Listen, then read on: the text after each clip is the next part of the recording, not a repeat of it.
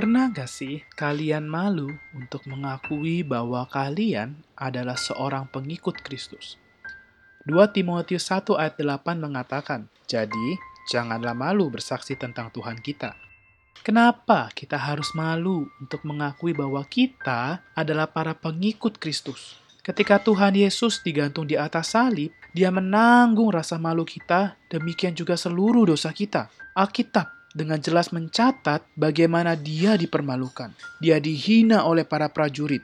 Dia dipermalukan di Golgota. Kalau kita menderita karena dihina dan dipermalukan manusia, itu adalah bagian kita.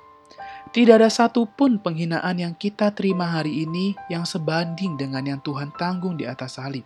Karena itu, jangan heran kalau kita menderita bagi Tuhan. Karena inilah bagian yang kita terima sebagai pengikutnya, kepunyaannya.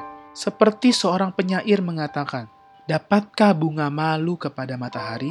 Sama seperti ketika bunga itu mekar dan terbuka kepada semua makhluk, sebagai satu respon terima kasih kepada matahari, demikian pula kita harus terbuka, mengakui di hadapan manusia apa yang sudah Tuhan kerjakan untuk kita.